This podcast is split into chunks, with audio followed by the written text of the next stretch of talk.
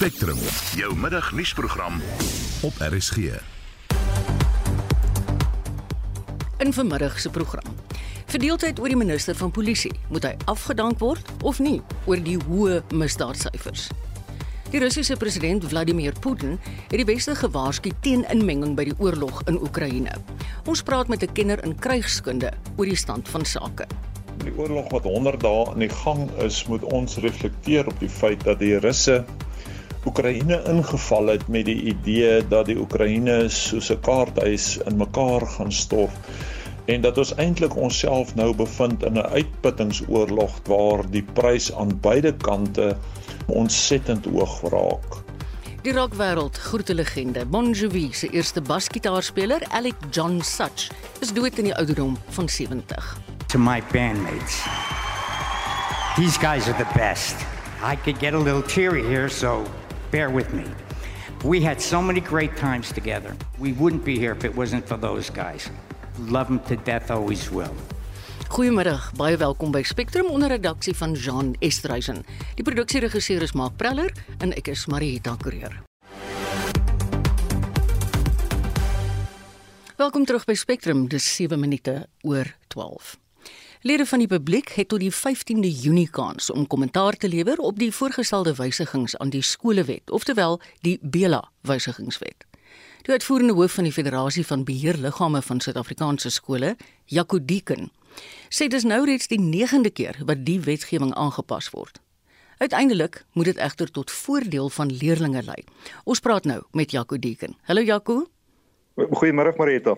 Jy het vanoggend met die minister hieroor vergader. Wat het daar gebeur?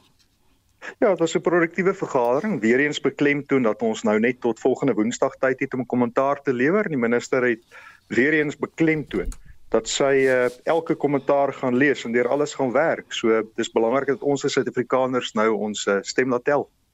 Jy sê die wysiging van wetgewing is niks buitengewoon nie en dat dit boonop nodig is. Hoekom sê jy so? Nou as soos die tye verander, um, is daar ook ander behoeftes binne onderwys. Ons het nogal 'n paar lesse geleer tydens Covid, so daardie verandering moet inkom. Daar was hofuitsprake oor ongedokumenteerde leerders. Laaste wysiging in die skolewet is 10 jaar terug gewees. So daar's nogal 'n paar behoeftes om wysigings aan te bring. Natuurlik dan ook die groot voorstel dat graad R deel word van die formele skoolstelsel wat befonds sal word wat uh, natuurlik 'n groot implikasie gaan hê op wat wat is die ouderdom van skoolpligtigheid dan nou?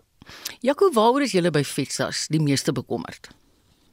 Daar's so vier groot aspekte. Die eerste een is natuurlik die bepalinge dat die onderwyshoof die finale sê gaan hê as dit kom by taal en by toelating.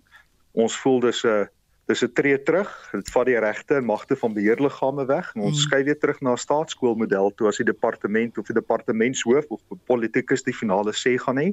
En beheerliggame behoort uh, soos wat die wet tans is die seggenskap te hê oor daardie beleid. Dan is daar ook 'n voorstel dat lede van beheerliggame uh, sowel as legades of lewensmaats of nabye familielede se finansiële belange jaarliks verklaar moet word. Dan nou dis vrywillige mense wat uh, vrywillig mm. tyd en aan dienste vir 'n skool kom gee en ons dink dit gaan 'n groot klomp mense afskrik om by skole betrokke te raak en juis beheerliggame in daardie proses verswak. Uh, ons is so ons is baie bekommerd oor daardie bepaling. En dan uh, die vierde een gaan bietjie oor die samesmelting van skole uh dat die departement eensydig net sou kon sê wat is die skool se naam en hoe gaan die stelsel werk sonder lekker breë inkoop van die gemeenskap en weer eens in 'n openbare skool is dit eintlik die skoolgemeenskap wat die eienaarskap behoort en behoort nie mm. net van staat sou afgedwing te word. Ja, absoluut. Klink my daarom julle gooi sterk wal. Wat sê jy sê is die geheim Jaco van suksesvolle openbare deelname? Het jy raad vir ons? Ja, ek dink dit is belangrik dat 'n ou na jou eie skoolkonteks gaan kyk want jy weet mos nou lyk jou skoolgemeenskap en ons het so opsomming vir ons lede gegee om te sê maar hoe hoe behoort 'n mens kommentaar te lewer want dit help nie net daar's 'n tyd en 'n plek vir 'n petisie maar duisend handtekeninge op 'n dokument tel as een bydra. So om werklik 'n verskil te maak, moet die skool gaan kyk. Gaan daardie bepaling byvoorbeeld oor die finansiële belangeverklaring van 'n beheerliggaam, hoe gaan dit ons gemeenskap raak? Of as die skool kwartaalliks finansiële state moet indien, het ons nou regtig die kapasiteit om dit ja. te kan doen mm. en 'n spesifieke kommentaar te leer want 'n unieke kommentaar moet gelees word en moet geïnterpreteer word en dit dra baie meer gewig as as net 'n handtekening sonder dat daar substantiëre inhoud gegee is. Baie dankie Jaco, dit was Jaco Deken. Dit was Fetsas se uitvoerende hoof. Ja, dit is nogal 'n bekommerniswaardige onderwerp. In vandag se brandpunt vraag aan al ons luisteraars. Wêreldomgewingsdag is gister herdenk. Ons wil baie graag by jou weet, wat doen jy om die omgewing te bewaar? Stuur gerus 'n SMS na 45889. Dit jaag jou rand 50 uit die sak. Maar jy kan ook op Monitor en Spectrum se Facebookblad saampraat en natuurlik ook op die Messenger toepassing vir ons 'n stemnota stuur. Ons het ook 'n WhatsApp nommer waarop jy 'n stemnota kan laat. 076 536 6961. Ek herhaal hom. 076 536 6961 en die vraag is, wat doen jy om die omgewing te bewaar. Op ek op 12 minute oor 12. Die DA sê die minister van polisie Bekkie Cele se kop moet rol oor die onaanvaarbare hoë misdaadsyfer in die land. Die minister het verlede week die statistiek bekend gemaak en misdaad oor die algemeen het met 22,2% toegeneem in die eerste 3 maande van die jaar. 'n Onafhanklike misdaadontleder en 'n voormalige hoof van die polisie se sentrum vir ontleding van misdaadinligting, Dr. Chris de Kok, sê hy stem nie saam met die stelling nie en dat die polisie leierskap die skuld moet dra van die wetteloosheid in die land. Nee, ek persoonlik, maar dis net nou my persoonlike mening, glo ek nie daar is iemand om hom te vervang nie. Ek dink ook nie jy kan die minister blameer nie. Ek dink as jy met iemand blameer, dan moet jy die polisie blameer. Ek dink die leierskap van die polisie nou die nuutste leier is nou net vervang so 'n mens moet hom nou maar 'n kans gee om te kyk of daar 'n draai kan kom. Ek dink hulle moet dood eenvoudig teruggaan na wat hulle gedoen het in die 10 jaar 2003, 4 of 23 tot by 2012 en daai 10 jaar wat het hulle toe gedoen en hulle moet dit weer doen. En ek is seker dat die misdaad sal daal. Ian Cameron van Action Society voel egter dat die minister van polisie se kop wel moet rol omdat hy ingemeng het met die bestuur by die polisie. Mens kan eenvoudig nie vandag se dae politiek en polisieering skei in Suid-Afrika nie om nou in isolasie net na die polisie te kyk is absurd. Ons kan nie sê Cele is nie verantwoordelik vir wat gebeur in die polisie nie. So kan ons ook nie sê die ANC is nie verantwoordelik nie. Die ANC, Bekkie Cele, Nathi Nhleko, Nathi Mtetwa, Fikile Mbalula, al die ministers tot dusver het op 'n manier ingemeng in polisie Verskeie kaderontplooiing aanstellings is gemaak in senior range in die polisie. Ons kan deur hulle werk. Ons gaan gaan kyk na Ria Piega. Sy het haarself 'n 10 jaar diensmedalje gegee en sy het minder as 2 jaar gedien op daai stadium. Sy het vir haarself 'n sokker wêreldbeker medalje gegee. Selfs 'n ding, sy was nie 'n polisiebeampte nie. Bekkie Cele self is uit die polisie weens beweerde korrupsie en hy was nasionale kommissaris sonder enige polisieeringservaring. Jackie Celebi destyds ook korrup ook aangestel as nasionale kommissaris. Hy het alle spesiale eenhede of spes eenhede eerder het hy ontbind ensovoorts ensovoorts. So dis onmoontlik as ons onlangs kyk, Kegla Setole wat so pas verwyder is deur die ANC aangestel. Hy is gekies deur die president om te dien as nasionale kommissaris en hy is ook verwyder weens spekulering om korrupsie en dat hy nie gehelp het met ondersoeke waar hy veronderstel was om te help nie. Nou het ons 'n nuwe nasionale kommissaris. Dit is bekend dat hy vriende is met die huidige minister van polisie en boonop dit moet hy in Februarie 2023 aftree. Dis nie volhoubaar nie. So mense kan nie dit in isolasie sien en sê dis net die polisie nie. Daar is briljante beroepsmense nog oor in die polisie. Daar is nie so baie oor mee nie, maar daar is heelwat van hulle. Hoekom kyk ons nie om hulle te ontwikkel en om mense terug te bring in die polisie in wat bevoeg is vir hulle werk nie? Eerder as om dit te doen, is ons nog steeds besig om kaders te ontplooi. So ek stem ongelukkig nie saam nie. Die ANC en Bekkie Cele moet aanspreeklik gehou word. Hulle het bloed op hulle hande. Dit was een Cameron van Action Society. En hierdie bydraes vir ons versorg deur Susan Paxton. Kort voor Brittanje se aankondiging dat hy lang afstand missiele aan Oekraïne gaan verskaf, het die Russiese president Vladimir Putin die weste gewaarsku teen inmenging in die oorlog. Russiese missiele het die hoofstad Kiev boonop gister getref vir die eerste keer in weke, maar Oekraïne wen na bewering veld in die Luhansk streek. Vir die jongste praat ons nou met professor Abel Esterhuise van die Universiteit Stellenbosch se fakulteit krygskunde. Goeiemôre Abel. Goeiemôre Marita. Kom ons begin by Putin se waarskuwing. Hier is wat hy aan 'n joernalis gesê het. If longer range missiles are going to be supplied, we'll make certain conclusions and use our own means of destruction, which we have enough to strike at those targets which we have not yet been hitting. Hoe ernstig moet ons hierdie waarskuwing opneem, Abel, veral in aggenome mediaberigte oor Rusland se kwynende vermoë om hierdie oorlog deur te voer?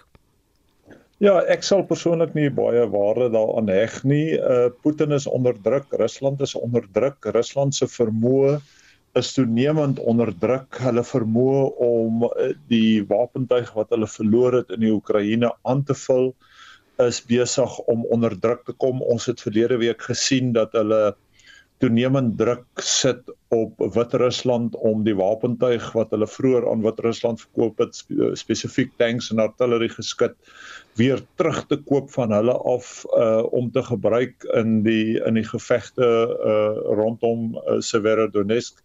So ek sal nie te veel waarde heg daaraan nie. Ek dink wat ons hier sien is uh iemand wat uh in 'n in 'n benoude omgewing is waar uh hy weet sy handelingsvryheid raak toenemend beperk. Ek wil jou tog vra, wat dink jy is die impak van die sanksies wat toegepas word op Rusland? Het dit enige beduidende deurslag by wapen en toerustingsvervaardiging? En natuurlik moet mens ook kyk na hulle verliese, né? Ja, ek ek meen uh, uh, daar's daar's groot spekulasie uh oor die wyse waarop die Russiese ekonomie alreeds vir jaar gekrimp het met tussen 10 en 12%. Nou dit is 'n redelike inkrimping in die ekonomie as mense in ag neem. Ons praat van 6 maande en ons gaan waarskynlik die werklike inkrimping eers hier na die einde van die jaar toe sien uitspeel. Ehm um, maar die belangrikste is dat uh jy weet uh, wapenhandelaars uh, en en wapenproduksie deesdae is baie geïntegreerd en en hulle doen dit juis met die oog op die wêreld veiliger maak deurdat ons saamwerk uh, in die vervaardiging van wapens. En Rusland moes de, moes sy tankproduksie staak en 'n hele reeks van sy wapenprodukte staak omdat hulle nie meer ehm um, mikro uh, wat is microchips wat is die mm, Afrikaans daarvoor skuifies wat hulle nie meer het nie uh, en wat hulle nie uit die weste kan invoer om te vervaardig nie. So Rusland is toenemend onder druk en sy wapenvervaardigingsindustrie veral is onder druk. Ehm um, omdat daar hoë verbruik is aan die operasionele kant en hulle eintlik nie meer kan voorsien aan die aan die produksiekant nie. Nou presies wat gaan Brittanje nou aan Oekraïne verskaf en hoe gaan dit enigstens help? Ja, kyk, daar's 'n hele reeks uh wapenprodukte wat nou aan Oekraïne gelewer gaan word. Die klem was die afgelope week baie sterk geweest op die meervoudige vuurpyl lanseerders. Nou tradisioneel is is meervoudige vuurpyl lanseerders maar enerzijds area wapens, anderzijds wapens wat hoofsaaklik teen personeel aangewend word. Met ander woorde, hulle is hulle is meer teen infantry gerig as wat hulle noodwendig op die vernietiging van puntteikens uh ingestel is. En en dit is juis waar hulle waarde lê want hulle kan met groot ware aangeweg aangewend word in in sogenaamde teenbombardement om die Russiese artillerie uh buite aksie te stel want eintlik hoef jy net die die mense dood te maak wat die artillerie beman om die artillerie buite buite mm. aksie te stel. Mm.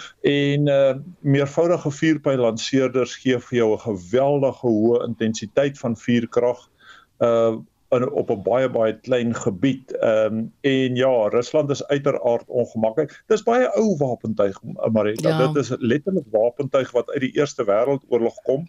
Toenemend is hulle natuurlik nou toegerus met GPS ehm um, uh gestuurde tegnologie wat hulle baie baie meer akkuraat maak maar in wese is dit ou wapens en dis area wapens. Ja, ek onthou jy het dit al in 'n vorige onderhoud ook gesê. Ek wil jou tog vra Abel, die goewerneur van Luhansk streek, Sergei Haidai, het bevestig dat Oekraïne Rusland uit die Severodonetsk streek gedryf het. Hier is wat hulle daaroor te sê gehad het. Our chances of retaking the city are high. Severodonetsk is of symbolic importance only, not militarily or strategic. Lysychansk is much more important because it is located on the hill. It is easier for the military to defend and strike. Hoe het hulle die Russe verdryf?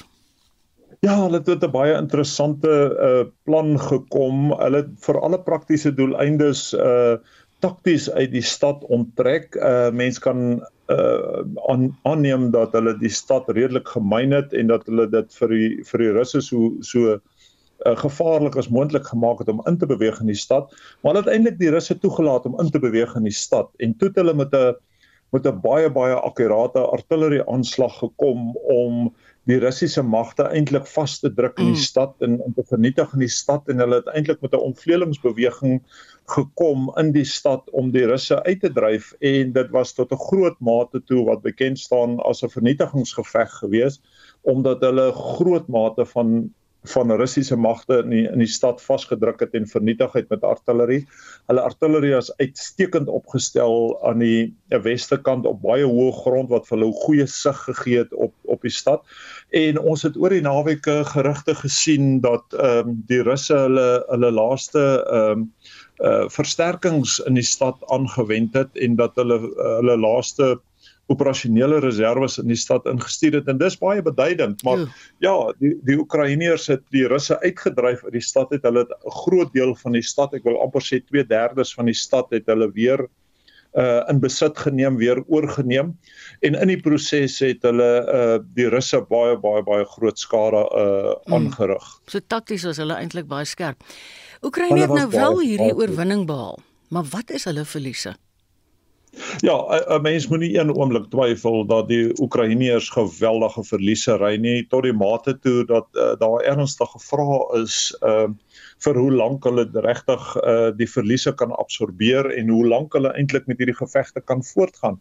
En wat ons eintlik sien nou Marita is dat die oorlog baie uh, tot 'n groot mate toe 'n uh, eerste wêreld tipe van um oorlog vorm aangeneem het. Dis in wese nou 'n uitputtingsoorlog deurdat dit nou 'n geval is van 'n artillerie uh geveg tot 'n groot mate toe en dis nou 'n geval van uh, wie gaan die langste kan uithou. En uh ja, ek ek wil tog dink dat die Oekraïners wat tot 'n groot mate toe ondersteun word deur westerse mm. wapentuig uh 'n beter kans het om die uitputtingsoorlog uh te kan oorleef uh teenoor Rusland wat toenemend onder druk is uh wat wat sy uitrusting aanbetref. Baie dankie Abel, dit was baie insiggewend. Dit was professor Abel Esterhuise van die Universiteit Stellenbosch se fakulteit krygskunde. Ons is op pad na 1224 toe. Terwyl al hierdie oorlog en gerugte van oorlog aan die gang is, skop die Wêreldklimaatsberaad vandag in Bonn, Duitsland af.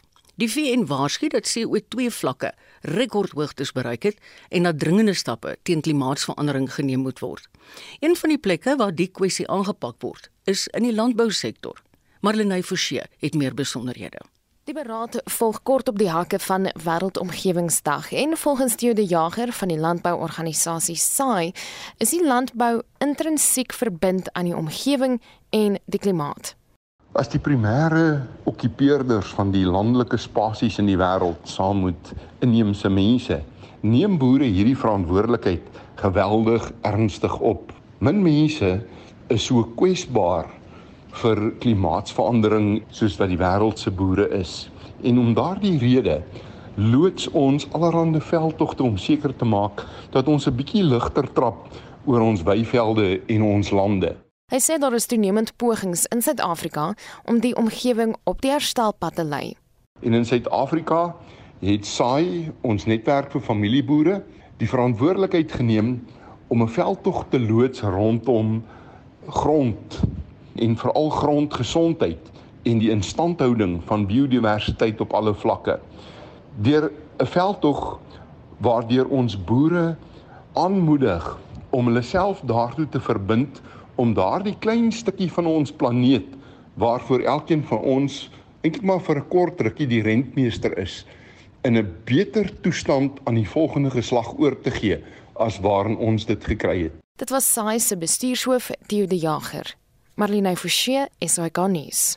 Die 3 maande lange staking by die Sibanye Stillwater goudmyn is verby. Nadat vakbonde die mynmaatskappy se jongste aanbod vir 'n salarisverhoging aanvaar het. Ons praat nou met die arbeidskenner professor Andrius Besuidenhout van die Fort Hare Universiteit in die Oos-Kaap. Goeiemôre Andrius.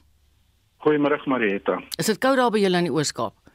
Dit is lekker koud en um, ons ons neem maar ons griepmedisyne. Kom ons kyk. Hierdie ooreenkoms wat bereik is, hoe lyk hy? Um ek dink uh, dit is nie veel beter as wat um die vakbond wou gehad het nie. Ek dink albei albei partye is is um is effe ongelukkig, maar ek dink uh, as ons kyk na uh, wat, wat hier gebeur het, is dit is dit oorwegend goeie nuus. Uh, dis 'n alhoewel dit 'n lang staking was, was dit 'n oorwegend 'n nie gewelddadige staking. En ek dink alhoewel daar baie politieke ry rondom die staking was, uh, byvoorbeeld uh uh versoeke aan president Ramaphosa om om in te gryp. Versoeke uh, uh Gwede Mantashe wat wat gedreig het om die myn se lisensie terug te trek.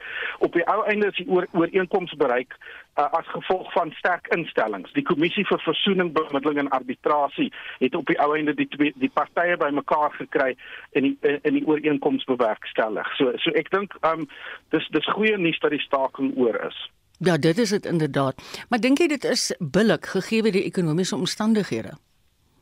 Ek dink ehm um, daar's uh, stakings is nooit suiwer ekonomiese kwessies nie. Daar's baie emosies by betrokke. En ek dink een emosionele kwessie hierby was uh, toevallig en ek dink dit is ehm um, waarskynlik nie goed vir die maatskappy nie. As daar nuus in die 3 maande dat Neil Vroneman, uh, een van die bestuurders van van Sibanye Stillwater, 'n uh, 300 miljoen rand bonus gekry het. En en so 'n kwessie maak uh, uh, uh, maak maak gewone werkers nogal dit dit, dit, dit veroorsaak diep emosies. Uh, en ek dink ook uh, as 'n mens kyk na na voedselpryse, die brandstofprys byt die ekonomie aan almal. Um en ek dink uh, uh, ek dink uh, stakings dra dra waarskynlik 'n bietjie meer op hulle rug as wat hulle as wat hulle kan abba op die hmm. oomblik en daar's nog stakings wat op pad is. Wel ek moet vir sê ek werk nie eers vir Sibanye nie maar 300 miljoen bonus dit wil gedoen wees. Uh Sibanye Stillwater is 'n baie interessante maatskappy Marietta. Uh die myne wat die goudmyne wat, wat wat onder hulle beheer is, is goudmyne wat wat wat Goldfields destyds nie wou hê nie. Hulle, hulle hulle staan bekend as moeilike myne. Dis van die oudste myne in die land. Dis Driefontein uh myne Osen wat in die verlede Osen 3 Wes Driefontein was. Mm. Dis Kloofmyn en Beatrix in Welkom. En dis diep myne, dis ou myne. Dit is uh dit is van die NUM se oudste takke wat hierso is en van hierdie takke was ook al is al lank baie korrup geweest en daar was 'n uh, daar was uh, mense wat doodgemaak is wat teen die korrupsie opgestaan het reeds in die 2000s. So dis dis dis um dis moeilike myne om te bestuur en so mm. so ek ek het ek het simpatie met bestuurders wat hulle werk doen. Wat Sibanye ook baie interessant maak is hulle het nou hulle het van die myne wat Anglo American nie meer voor kans gesien het nie in die Rustenburg area by Anglo oorgekoop. Ehm um, en so nou, hulle volgende sarsie onderhandelings gaan nou met 'n verenigde NUM en AMKU uh, uh, in hulle platine myne mm. plaasvind. So arme Neil Vroneman uh gaan sy geld dubbel en dwars verdien. Dis dis nie dis nie al waarmee hy sit. Ja, hy gaan nou nog sit met onderhandeling ja. onderhandelinge in sy platine myne ook. Nee, ek hoor jou. Watter rol dink jy Andre sê die kommissie vir versoening, bemiddeling en arbitrasie gespeel om nou hierdie skikking te bereik? Ek ek is ek is baie ek, ek kyk as iemand wat wat in die arbeidsveld belangstel en iemand wat nogal bekommerd is oor oor geweld in die arbeidsveld. Uh, is hier vir my tog 'n bietjie van 'n jy weet 'n goue rand, randjie rondom 'n donker wolk. Die vorige staking by Sibanye was ongelooflik gewelddadig. Uh, da, en dit is omdat daar geweld tussen AMKU en die NUM was.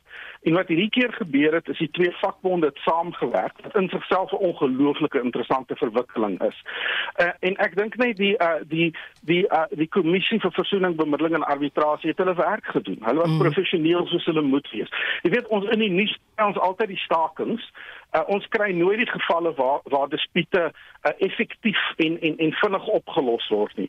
Kyk, die kommissie sit met te min geld, met te min hulpbronne en hulle is onder druk.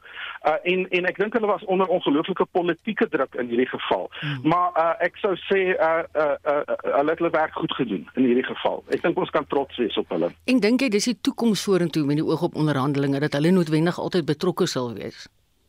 Kyk as hulle werk. Dit is absoluut hulle werk en en uh en uh, mense moet seker iemand uh, nie noodwendig heeltyd uh, gelukwens as hulle wel hulle werk doen nie. Maar ehm um, uh, uh jy weet uh, hulle het ongelooflik baie dispute om na te kyk. Uh kyk, uh, daar's twee ander stakings, twee hoë profiel stakings wat pas ook afgehandel is uh, uh, uh met Nomsa in die in die in die motorbedryf was dit 'n kort vinnige staking geweest en ook mm. met ArcelorMittal 'n mm. kort vinnige staking 'n sterk vakbond staak nie lank nie en en ek ek voel tog effe effe optimisties dat ons in hierdie in, in hierdie seisoen die onderhandelingsseisoen 'n uh, 'n uh, paar vinnige vinnige stakings gehad het wat vinnig oor was uh, en en ooreenkomste bereik het en dan staan 'n hele paar ander ander maatskappye wat reeds ooreenkomste bereik het Anglo en Platinum het reeds ooreenkomste met die NUM bereik die groot een wat kom is die staatsdiens mm, mm. Ek hoor jou. Baie baie dankie. Dit was professor Andrius Besuidenhout van die Fort Hare Universiteit.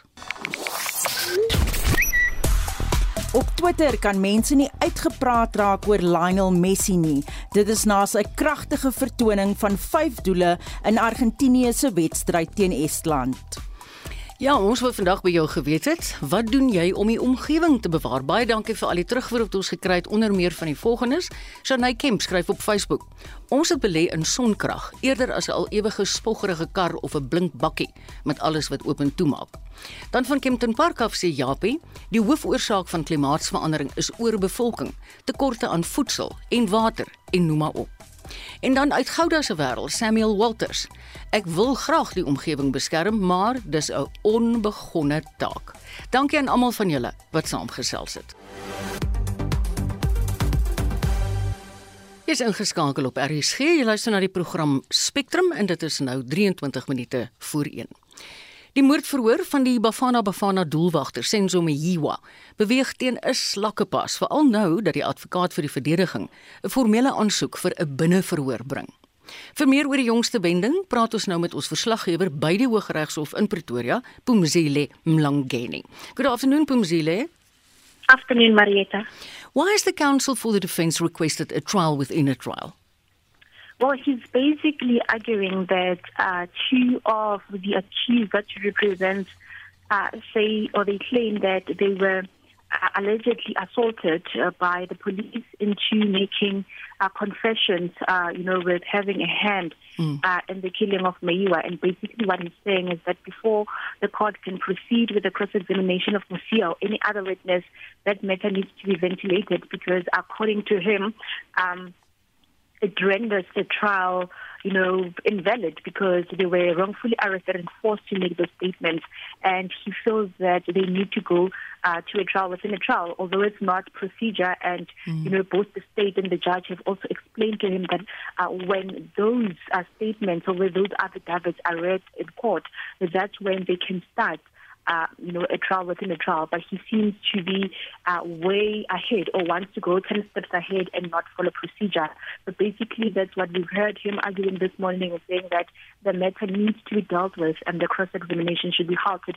But just now, the judge has made a ruling that his argument is not substantive. The judge does not have those affidavits that he's alluding to. So he, the judge has ordered that the matter continue today. Okay. Are there valid reasons for a trial within a trial, or could it be that advocate Malisela Tefu might just be playing for time? Well, at this stage, it seems, you know, for now, he is definitely jumping the gun. Uh, as the state says that they have confessions from uh, for accused number one and two, and the state is presenting its uh, case, you know, uh, the sequence is that the police will start, they will bring their own witnesses, and basically, when the time arises that they deal with these confessions, uh, that's when a trial within a trial will take place. The state did mention that at the beginning of the trial that they do expect that a trial within a trial will take place specifically on those confessions mm-hmm. because mm-hmm. the two, you know, deny making those confessions out of their own will. So uh, I think uh, here, uh, Advocate Malesela wanted to flout procedure. He wanted things to be done um, according to his way. Even the judge telling him that he needs to understand that there is procedure in court, mm. and the court cannot just follow what he wants uh, to do before court. But Ms. Mzili, please help me if I'm wrong. But hasn't the first witness, Sergeant Tabo Johannes Musia, the cross examination on him took very long? Yes, it did. Uh, I think he has been on the stand for more than 10 days now, if we count before the adjournment and as well as last week. Uh, he's the first state witness. So I think perhaps that could be an indication of how long this matter mm. will take. Uh, but definitely he's been on the stand. You know, on Friday the matter had because he said he's feeling sick, he's feeling unwell, as well as this morning saying that he's not 100% better, but he will be able to continue with cross-examination. Uh, Advocate Vanilla Mshalolo did say that, you know, she still has a long way to go with this witness. Uh, definitely, he's not going to uh, conclude today. And as well, we expect that the state will have to re-examine him after okay. he's given this evidence. There's definitely going to be, you know, another week or a few tough days for Sergeant Lucia. Okay, thank you so much. Ons het gepraat met ons verslaggewer by die Hooggeregshof in Pretoria, Pumzile Mlangeni. Nou, die burgerregte organisasie AfriForum wat die Mejiwa familie verteenwoordig, is ook in die hof. Die privaat vervolgingseenheid se raadgewer, Natasha Venter. Verrigtinge het volgens Skaars begin toe die staatsaanklaer advokaat George Beloy aangedui het dat hulle 'n spesiale pleit ontvang het van advokaat Tefu wat natuurlik vier van die beskuldigdes verteenwoordig. Advokaat Beloy het aangedui dat hy eers hierdie pleit sal oorweeg en dat die saak moet afstaan sodat hulle hoofde kan voorberei. Advokaat Mchelolo wat een van die beskuldigdes verteenwoordig het aangedui dat sy graag haar kruisondervraging van die getuie wat tans op die bank is eers wil voltooi Daarna is al drie van die advokate na die regter se kamers om die kwessie te bespreek en ons wag nou vir die uitkoms en die besluit van die regter. Dit was die raadgewer vir AfriForum se privaat vervolgingseenheid Natasha Venter. Die 30-jarige Aldine Wilkinson wat beskuldig word van die moord op sy swanger lewensmaat, verskyn weer vandag in die Kimberley Landroshof in die Noord-Kaap. Wilkinson het na bewering vir Daniel van der Linde by hulle 9-jarige seun se verjaardagpartytjie vermoor. Vir die jongste oor die opspraakwekkende saak, praat ons nou met ons verslaggewer Reginald Witboy. Hallo Reginald. Goeiemôre. Wat behels Wilkinson se verskyning vandag? Wel soos um, ek nou saam met um, jou praat is die saak ans in die hof van die verdediger besig om hulle saak aan te voer um, in terme van hoekom hulle wil hê die 30-jarige Jaldine Wilkinson moet borgtog toegestaan word. Die verdediging sê dat hy nie 'n vlugge risiko is nie en dit moet ook in ag geneem word dat hy die volgende dag na die polisiestasie toe gegaan het en homself oorhandig het. So hulle uh, hy moet ehm um, borg tog ehm um, toegestaan word, maar die die, die staat voer aan ehm um, hulle hulle weier uh, borg en dit is in die belang van van die gereg en in terme van omdat dit 'n skedule 5 saak is dat hy nie borg tog um, toegestaan moet word nie. Dit is nou alreeds sy vierde verskyning hier in Hof A uh, by die Kimberley Landroshof. Reginald, wat sê die slagoffer se familie? Ek is seker hulle vertrou dat borgtrog geweier sal word. Ja, beslis ehm um, die gemeenskap ook in um praat oor die gemeenskap wat 'n petisie aan die hof gerig het um waarin hulle ook sterk voel dat um hof tog um ingestaan moet word want um hulle voel net dat um dit 'n uh, saak is van gesins uh, geweld en dis 'n baie ernstige saak. Maar ek het saam met die familie ook gepraat en hulle voel sterk dat hy nie borstog moet kry nie want hulle um hulle lê ook nog op die oomblik van die dag want hulle het 'n familie lid mm. verloor en dis nog vir hulle baie baie hartseer en die kinders moet ook nog dan ehm um, hulle, hulle gaan ook nog Ek aanvaar jy wil sê trauma berading. Ons ons verloor jou 'n bietjie hier en daar. Maar laasens wil ek jou net vra, gaan die 9-jarige seentjie as 'n moontlike getuie geroep word? Nee, ek het saam met Bianca gepraat en sy het vir aan my genoem dat uh, die staat niks aan hulle genoem het dat die 9-jarige seentjie moet kom okay. getuig nie. So op hierdie stadium um, gaan hy nie ingeroep word as getuie nie. Baie dankie Reginald en sterkte met daai saak hoor.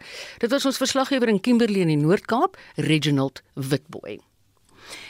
Die president hou vol dat die geld wat op sy plaas gesteel is in 2020 nie wederregtelik bekom is nie en dat hy ook nooit van die belastingbetaler sal steel nie.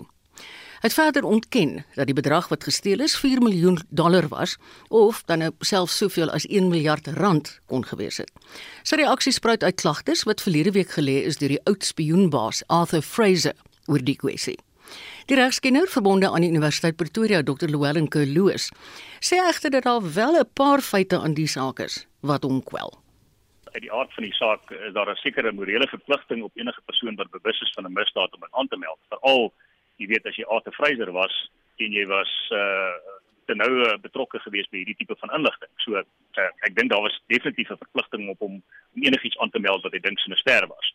Maar ek dink daar's 'n ander uh, aspek wat natuurlik daarbey aansluit en dit is die feit dat hy bereid was om dit onder eed te doen. Mense mense gelê nie klagte onder eed as jy nie weet dat jy moontlik vir my nie aangekla kan word sou dit later vals blyk te wees. En net dit op sigself laat 'n paar vraagtekens ontstaan natuurlik. Uh boonbehalwe natuurlik die feit dat daar dan ander aspekte te sprake kom wat natuurlik ook in ag geneem word, byvoorbeeld valuta beheer, uh SARS implikasies, uh moontlike korrupsie en selfs in sekere gevalle word 'n melding gemaak van ontvoering as 'n moontlike uh, misdaad wat gepleeg is hierso. So daar's baie aspekte waarna gekyk moet word uit die aard van die saak. Dan die valuta self, uh, wat sê die wet so 'n bietjie daaroor? Ja, ons weet natuurlik daar's ook 'n wet, die sogenaamde FICA wet, Financial Intelligence Center Act, uh, vir die mense wat nie weet nie. Uh in terme van daardie wet, enige kontantbedrag wat jy in jou besit het wat R25000 Suid-Afrikaanse rande oorskry, moet natuurlik aangemeld word by hierdie instansie. Hierso praat ons van min of meer 4 miljoen Amerikaanse dollars wat is my berekeninge reg is omtrent 60 miljoen rand daarstel. En uh so daar was definitief verpligtinge gewees of om dit by die Reserwebank natuurlik aan te meld en sekere goedkeuring te kry in die verband of natuurlik by die finansiële instelling in terme van die FICA wet waarna dit sopas verwys het. Dit is nie nagekom uit die beste van my wete nie. Dit was die regskenner verbonde aan die Universiteit Pretoria, Dr. Llewellyn Kerloos. En hy het vroeër met ons kollega Susan Paxton gepraat en hierdie was nou maar net 'n uittreksel uit haar volledige onderhoud wat môre oggend op Monitor tussen 6 en 7 uitgesaai gaan word. Baie interessante onderwerp. Is 5 minute voor 1 en Marlenae het nou so pas agter die mikrofoon ingeskuif met die afgelope uur se hoofnuus en ontwikkelende stories. Hallo Marlenae. Hallo Marieta. Lede van die publiek het tot die 15de Junie kans om op die voorgestelde wysigings aan die skolewet kommentaar te lewer. Nou Fetsa se uitvoerende hoof, Jacques Deeken, sê dit kort tevore met die minister vergader. Dit was 'n produktiewe vergadering. Weereens beklemtoon dat ons nou net tot volgende Woensdag tyd het om 'n kommentaar te lewer. Die minister het weereens beklemtoon dat sy uh, elke kommentaar gaan lees en deur alles gaan werk. So dis belangrik dat ons as Suid-Afrikaners nou ons uh, stem laat tel. Die staking van 3 maande by die Sibanye Stillwater goudmyn is verby na die aanvaarding van die mynmaatskappy se salarisverhoging aanbod. Professor Andrius Besaidenhout is 'n arbeidskenner aan die Fort Hare Universiteit in die Oos-Kaap. Ek dink albei partye is effe ongelukkig, maar as ons kyk na wat hier gebeur het, is dit oorwegend goeie nuus. Alhoewel dit 'n lang staking was, was dit oorwegend 'n nie gewelddadige staking. Alhoewel daar baie politieke ry rondom die staking was, is die ooreenkoms bereik as gevolg van sterk instellings. Intussen is daar meningsverskille oor die toekoms van die minister van Polisie Bekkie Cele. Persoonlik glo ek nie daar is iemand om hom te vervang nie. Ek dink ook nie jy kan die minister blameer nie. Ek dink as jy met iemand blameer, dan moet jy die polisie blameer, die leierskap van die polisie om nou in isolasie net na die polisie te kyk is absurd. Ons kan nie sê Cele is nie verantwoordelik vir wat gebeur in die polisie nie. So kan ons ook nie sê die ANC is nie verantwoordelik nie. En op die internasionale nuusfront, Rusland se president waarsku dat aanvalle op teikens in Oekraïne uitgebrei gaan word weens westerse inmenging. Maar professor Abel Estreise, krygskundige aan die Universiteit Stellenbosch, is nie oortuig nie. If longer range missiles are going to be supplied, we'll make certain conclusions and use our own means of destruction, which we have enough to strike at those targets which we have not yet been hitting. Ek sal persoonlik nie baie waarde daaraan heg nie. Putin is onder druk, Rusland is onder druk. Dan in brandpunt vanmiddag om kwart voor 6. Die DA gaan die kommissaris van die inkomste diens vra of die miljoene Amerikaanse dollar wat na bewering op die president se plaas in Limpopo gesteel is deur die president verklaar is. En dan in monitor môreoggend tussen 6 en 7 kyk ons terug na die vernietigende Nysna brande van 5 jaar gelede wat op 7 Junie 2017 begin het. Jening maar is dit al 5 jaar. Kan jy dit glo? Dit voel soos nou die dag. Onthou jy daai visuele materiaal wat ons gekry het? Dit was so vernietigend. Dit was verskriklik. So dis 5 jaar. En ons het ook baie goeie dokumentêre programme daaroor gehad. Ek is seker as mense gaan snuffel, ja, dan gaan hulle kry. Baie goeie klank daar kan hoor. 5 jaar. Vlieg. Maar ek sien uit na môreoggend se monitor want julle doen altyd 'n deeglike dekking van hierdie soort van goeters. Dit was Marlene Forsie wat my gehelp het met al die ontwikkelende nuus van die afgelope uur. Onthou gerus Onthou gerus, brandpunt vanmiddag om kwart voor 6. Ek luister dit elke middag op pad huis en ek vind dit geweldig insiggewend. Dit vat so vinnig die dag se nuus saam. Ek groet namens ons uitvoerende regisseur Jean Esterhuizen, die produksieregisseur Mark Preller. Ek is Marieta Kreer, ons het 'n klomp medewerkers vanmiddag gehad. Ek groet net tot so 3 uur se koers te vanmiddag in Spittyd, maar ons hoop jy gaan jou middag saam met RSG geniet. Die Kaap sit gereed met 360.